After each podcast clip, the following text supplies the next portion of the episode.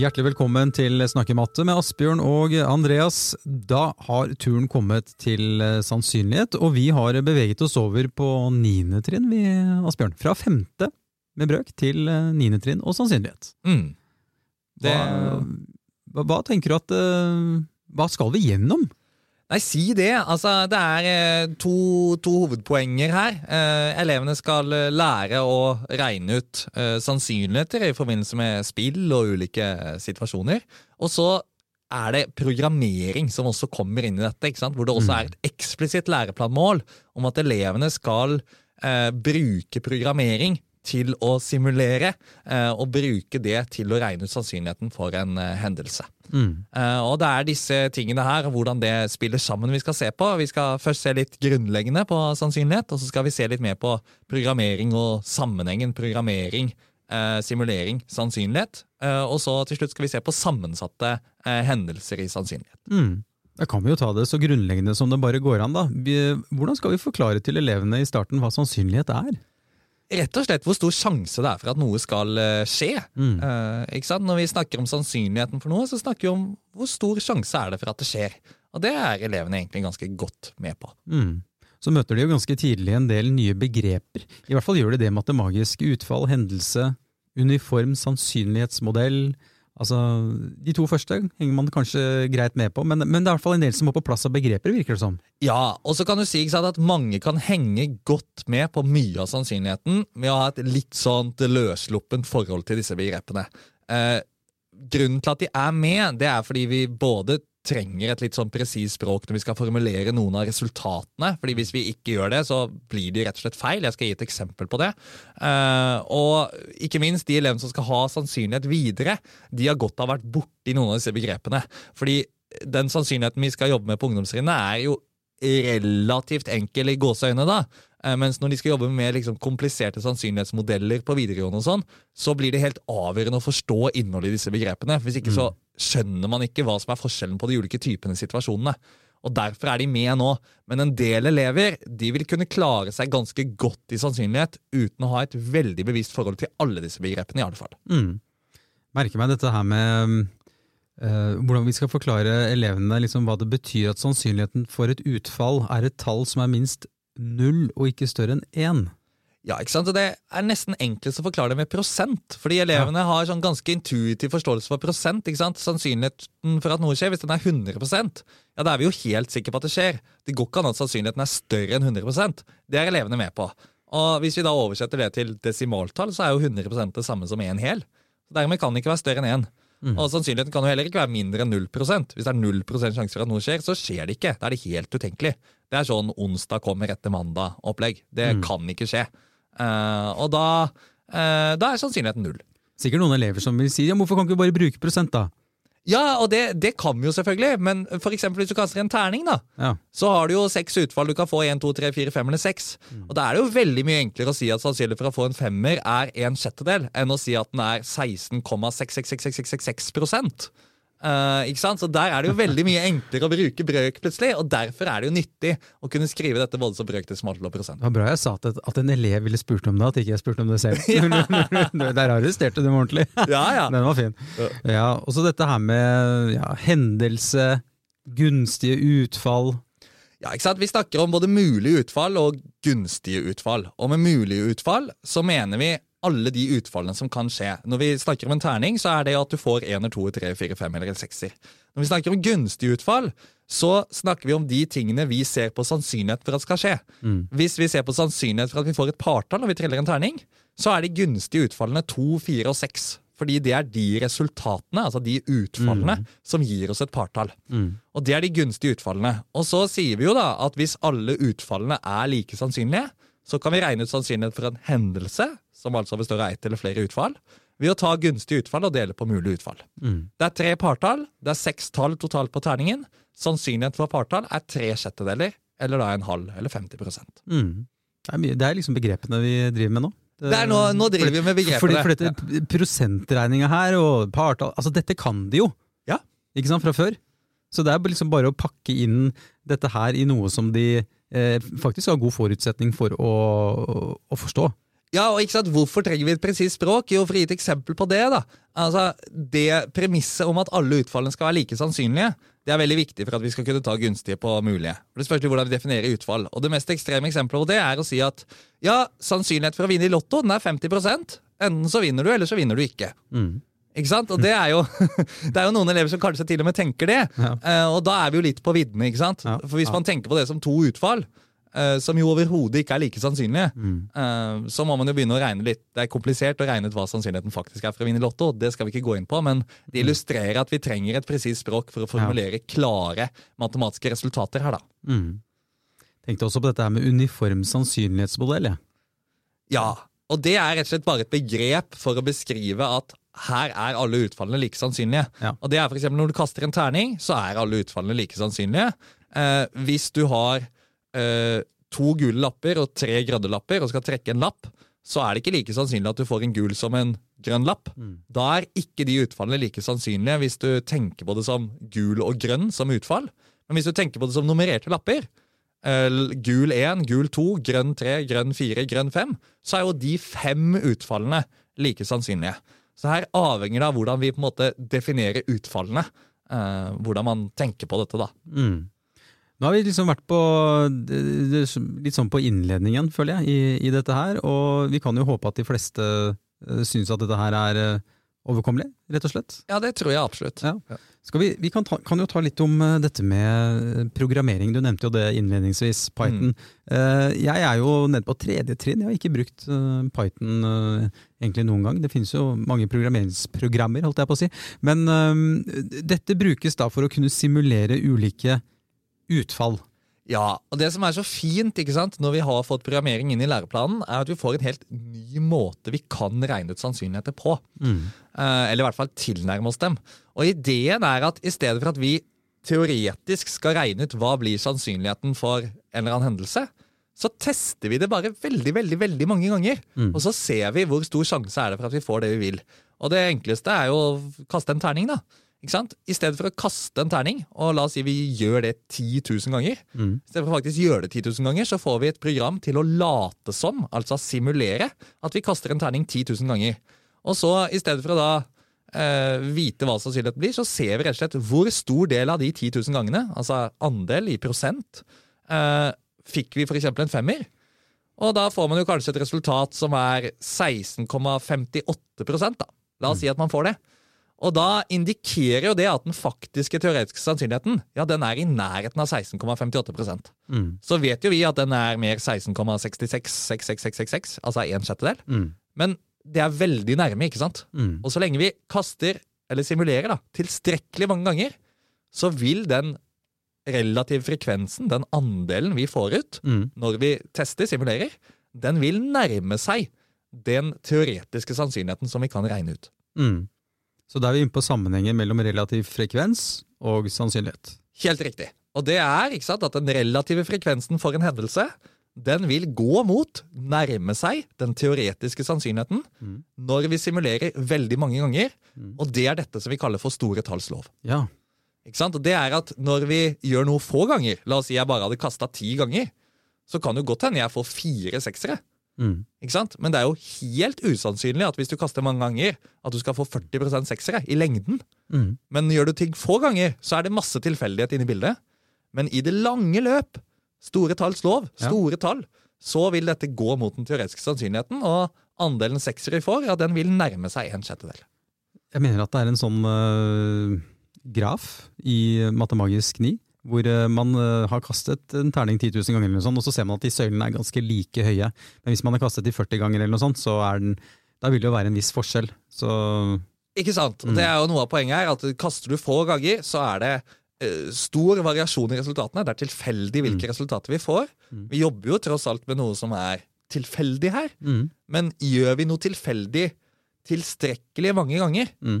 Så vil det begynne å oppføre seg normalt og sånn som vi vil forvente. Mm. Det vil jevne seg ut over tid. Jeg liker at dette, denne måten å bruke programmering på, da, bruke Python på, er såpass eh, øh, verdifull. da. Altså, Mm. Du ser jo meningen med å bruke det, framfor å kaste den terningen 10 000 ganger. Selv om jeg sitter med følelsen at noen sikkert hadde gjort sport i det, og kanskje brukt en helg på det. Bare gjort det for å bare, bare gjøre det, liksom. Ja, og det kan være sunt å gjøre noe av dette fysisk for Ja, hånda, for for ja. å forstå hva det er man gjør. Kanskje ikke 10 000 ganger, men noen ganger, liksom. Mm. Um, men, men det er absolutt nyttig, og det som også er fint, er at noen av de tingene som er vanskelig å regne ut uh, sannsynligheten for, sånn teoretisk, Mm. det er ikke så veldig vanskelig å gjøre med programmering. Så Hvis du først har skjønt hvordan du kan simulere at du kaster en terning 10 000 ganger, Mm. så kan du også simulere en del mer kompliserte situasjoner Ja. uh, ved å gjøre relativt små endringer på programmet. For eksempel, la oss si du kaster ti terninger og lurer på hva er sannsynligheten for at summen av de ti terningene blir over 40. ja. Ikke sant? Det er jo et bare oppfunnet eksempel nå, da. Mm. Men, men det ville vært ganske vanskelig å regne ut. Mm. Eh, veldig vanskelig, faktisk. ja. Men det å simulere det er ikke så veldig vanskelig. Nei. Så det er en, programmering gir oss noen nye muligheter som vi ikke hadde tidligere. Ja. Har du inntrykk av at elevene fikser eh, disse programmene bra, eller? Forstår de det? Det er nok veldig variabelt. ikke Ja. sant? Eh, og jeg tror at det er veldig viktig når man jobber med programmering, at elevene har noe ferdig kode de kan ta utgangspunkt i. Ja. For det er jo ikke sånn at elevene trenger å skrive disse programmene helt fra bunnen av selv. De kan ta utgangspunkt i et program, og så skal de bare endre på noen tall for å tilpasse det den situasjonen de holder på med nå. Mm. Og gjør man det, så er inngangsterskelen utrolig mye lavere for å få det til. Og så er det jo også sånn at Programmering er jo et relativt nytt tema. sånn at De elevene som nå går på ungdomstrinnet, har ikke programmert i mange år tidligere. Nei. Sånn som de elevene vi får om noen år, vil ha gjort. Så man må jo også justere litt for det, og kanskje eh, senke ambisjonsnivået litt grann i starten for hva man skal få til. Eh, og øke det etter hvert. Mm. Kan jo bruke elevene som ressurser òg. Det vil vel alltids være noen som eh, har drevet mye dette her, med dette her fra de var ganske små. Det er i hvert fall min erfaring, at noen har jo ordentlig peiling. Så man kan jo bruke de som ressurser hvis man også som lærer syns at dette er litt sånn uoverkommelig. For jeg vil tro kanskje at lærere tenker at eh, dette kan være litt vanskelig hvis man ikke har gjort det for, for mye sjøl. Ja, og eh, ikke vær redd for det, liksom. Ikke vær redd for at elevene blir bedre enn deg i programmering heller. Mm. Det er jo helt ok, de finner ut masse ting. Og ikke minst hvis det er noen elever som tenker at oi, denne strategien med programmering, den liker jeg. Mm. La de nå bruke den, og la Ja. de bruke programmering til å løse masse problemer. Mm. Og det er jo litt sånn vi også har tenkt i Matematisk at vi har på en måte lurt inn i gåsehudene da, programmering mange steder i Matematisk. Ja. Det er ikke alle de stedene det er nødvendig at du bruker programmering i klasserommet. Men de elevene som ønsker det, bør jo få muligheten. Det blir Mm. på en måte som at det er også en løsningsstrategi, på lik linje med veldig mange andre løsningsstrategier nå. Ja. Så de må få muligheten, de må se det.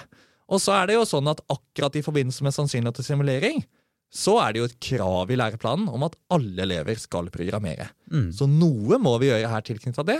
Og så er det andre steder der det kan være mer valgfritt om man vil bruke programmering eller ikke. Ja, så det du sier at eh, hvis man ser at eh, programmering er nyttig i et gitt tema, som kanskje ikke er så sannsynlig at man kanskje skulle tenke i programmeringsretningen verden, så, er det, så bør det være rom for å bare gjøre det, fordi at det er en god strategi. Ja, i hvert Ja. fall altså at enkeltelever kan Ja, gjøre det. ikke nettopp, sant? nettopp. I geometri, for eksempel. Ja, nettopp. Ja. Mm.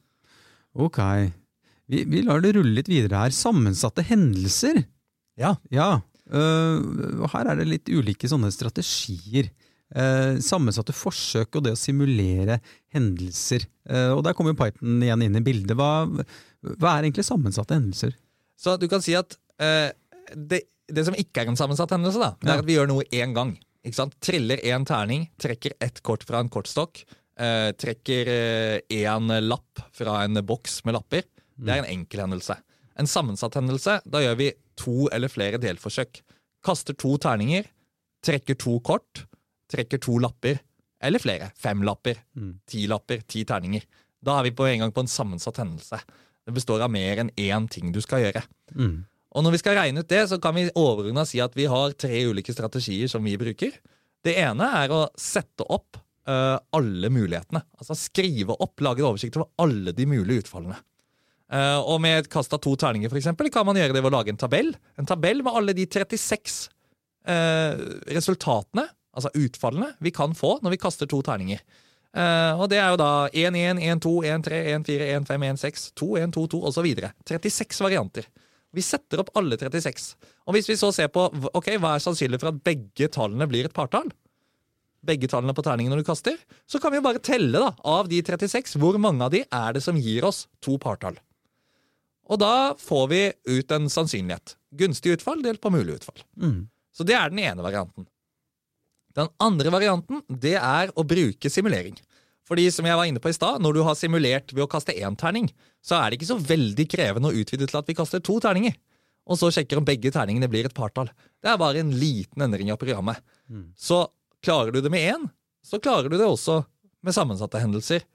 Med litt øving, selvfølgelig. Mm. Og den tredje strategien vår det er å bruke multiplikasjon.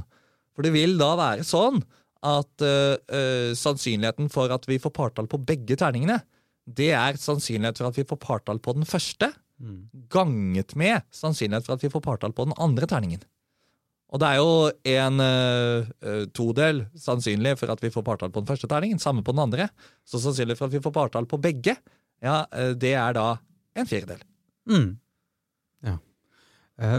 Fins det noen gode aktiviteter eller spill som elevene kan gjøre for å Altså vi, jobbe med dette? Vi har laget to spill som ligner veldig på hverandre, Ja. og som elevene tror er identiske, men som er forskjellige.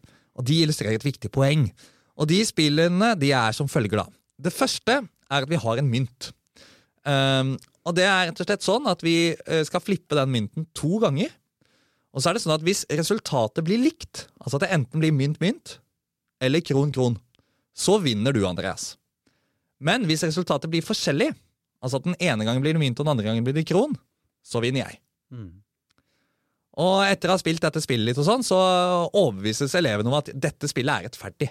Ikke sant? Fordi Ja. det er det spørsmålet her. Er spillet rettferdig? Er spillereglene fair, liksom? Mm. Og elevene er jo veldig opptatt av rettferdighet. Ja. Så dette, dette blir de gira på, da. Ja. Så det er det ene spillet. Og det andre spillet, det høres veldig likt ut. Det er sånn at vi har to svarte og to røde kort. Og så er det sånn at du får trekke to kort. Og hvis de to kortene har lik farge, så vinner du, Andreas. Mm. Men hvis de har ulik farge, så vinner jeg. Mm. Og det, det framstår jo som at disse spillene er ganske Ja. like, gjør det ikke det? Jo, det gjør jo det. Ja. Ja. Men så er jo tingen det at dette andre spillet det er ikke rettferdig. Mm. Eh, og greia med det da er at det å trekke to kort samtidig, og det er premisset her, ikke sant? det er ikke sånn at vi stikker kortet tilbake i kortstokken, vi trekker begge kortene samtidig. Ja. Det er en veldig viktig ting. Ja. Det er jo det samme som at vi trekker to kort etter hverandre, på en måte, kan du si da. Mm. Så la oss se for deg nå at du har to svarte og to røde kort som ligger oppe. Og vi tar bort et av de kortene tilfeldig. Hvis vi sier at det var et rødt kort, Mm. da ligger du igjen to svarte og ett rødt kort. Mm. Så sannsynligheten for at det andre kortet du trekker, er rødt, Mm. Det er jo halvparten av sannsynligheten for at det er svart. Ja. Det ligger igjen to svarte kort og bare ett rødt. Så jeg har dobbelt så stor sjanse for å vinne som deg i Mm. dette andre spillet. Ja. Og hele forskjellen her, det er at dette er uten tilbakelegging, på en måte. da. Mm. Eh, resultatet av det, an, den andre, det andre delforsøket avhenger av resultatet av det første delforsøket. Mm. Det gjør jo det. Og de tingene her er det ikke sånn at elevene skal jobbe utrolig mye mer på dette nivået. De kommer mer på videregående, de som skal gå videre med matematikk. Men det er greit at de har vært borti det. Og det skaper enormt engasjement i klasserommet. Fordi omtrent alle elevene hevder at dette andre spillet er rettferdig, akkurat som det første. Mm. Og så spiller de det litt, og så hører vi ja, hvem vant i den gruppa, hvem vant i den gruppa, hvem vant i den gruppa. Og så ser man jo liksom at oi, de der vant jo mye mer enn de andre. Mm. Og så blir det hei, hvor dette, hvordan henger dette sammen?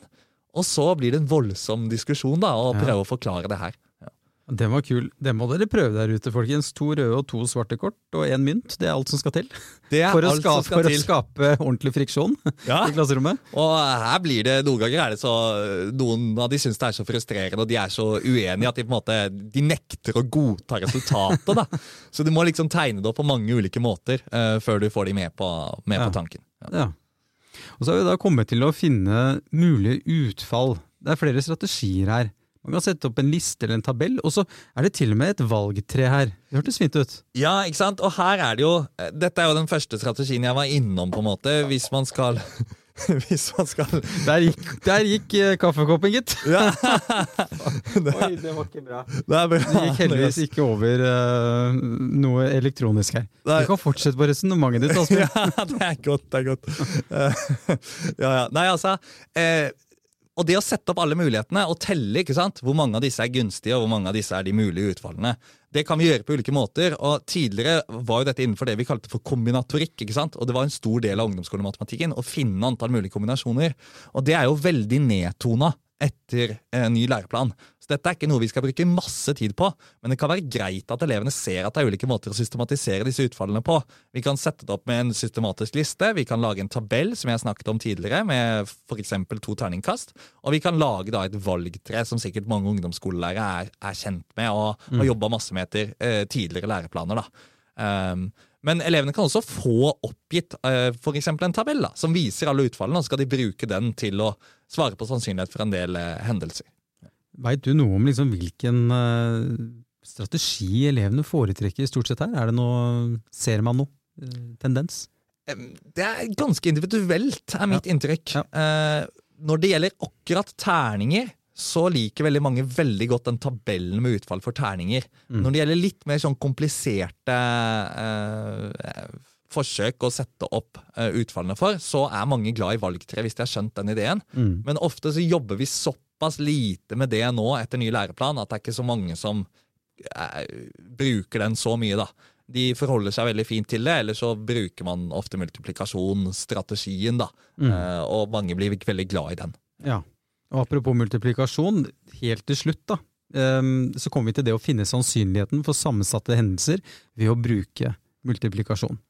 Ja, og det er litt komplisert å forklare hvorfor det fungerer. Mm. ikke sant? Men eh, tingen er at hvis du har to delforsøk, så kan du ta sannsynligheten for uh, det første delforsøket og gange med sannsynligheten for det andre delforsøket, og da får du sannsynligheten for begge de delforsøkene. Det du må vite, er at uh, disse er uavhengig av hverandre. altså Du må ha kontroll på, uh, på at de ikke påvirkes av hverandre, det, det opplegget. Da. da blir det kaos. Men eksempelet i boka er jo at ok, du har uh, åtte filmer, eller noe sånt, og så har du fem tegneserier, eller kanskje det var motsatt. og så skal du se hva er sannsynlig for at vi trekker akkurat den Asterix og Obelix-tegneserien og akkurat den spesifikke filmen. Og Hvis man tenker seg da at ok, hva er sannsynligheten først for at man trekker den spesifikke tegneserien, hvis vi hadde fem tegneserier å velge mellom, ja, det er en femtedel. Og så, hva er sannsynligheten for at vi trekker den uh, filmen vi vil ha? Det er en åttendel. Og så vil jo da i en åttendel av de tilfellene hvor du valgte riktig tegneserie, altså en åttendel av en femtedel av tilfellene, mm. så vil du få begge valgene dine. Mm. Og en åttendel av en femtedel er det samme som en åttendel ganget med en femtedel. Og Derfor kan vi multiplisere sannsynligheten for de to uh, hendelsene, uh, og da finner vi sannsynlighet for at begge hendelsene inntreffer. Jeg oppfatta dette her når jeg gikk gjennom eh, kapitlet ditt eh, på forhånd her, Asbjørn. Um, vi startet jo liksom med å si at dette her eh, virker overkommelig, og alt dette her. Så føler jeg at det, det man har virkelig det, høy, gjort det vanskeligere mot slutten her. Vi har skrudd til vanskelighetsgraden, og det er ikke sikkert at alle elevene skal være med på dette mot slutten. Mm. Her kan man ta profesjonelle valg som lærer. Læreplanmålet, altså selve kompetansemålet her, det er ganske åpent for tolkning på vanskelighetsgrad. Det står at man skal regne ut eh, sannsynligheten for hendelser, eh, bl.a. knytta til spill. Eh, og der er det åpent hvor kompliserte hendelser skal man egentlig regne ut sannsynligheten for. Mm. Og det kan man differensiere veldig for ulike elever. Ja. Nei, men Da føler jeg at vi har fått en, en veldig god oversikt ja, over sannsynlighet. Um, skal vi trekke ut de viktigste punktene? Ja, jeg tenker det kan være at eh, for programmeringsbiten så er det liksom to ting. Det ene er at Når elevene skal programmere, så må de ha noe ferdig kode de kan ta utgangspunkt i. Det er veldig viktig for å lykkes her. Har de ikke det, så er dette en veldig stor eh, terskel da, for å komme i gang.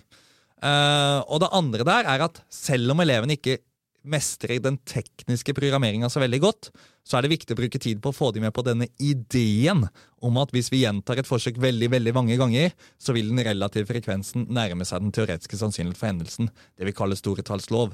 For det er liksom hele hovedideen. Mm. Og den kan elevene være med på, selv om de strever med den tekniske programmeringa. Og det tror jeg er viktig å ta med seg i dette arbeidet. da. Og så tenker jeg at dette med sammensatte hendelser, da får man være litt glup som lærer. Spillene aktivitetene veldig bra for alle elevene i elevgruppa å være med på. De der konkrete oppgavene eh, der de ikke har ferdig oppsatt alle mulige utfallene, det er kanskje ikke noe for alle elever. Da bør alle elever få oppgave der vi har satt opp en ferdig tabell med alle de mulige utfallene, og de kan ta utgangspunkt i det når de skal regne. Mm. Så vi tenker differensiering der. Ja. Nei, men jeg tenker at Det får bli siste ordet i denne omgang om eh, sannsynlighet. Vi satser på det. Takk for at dere lytta til Snakke matte med Asbjørn og Andreas. På gjenhør.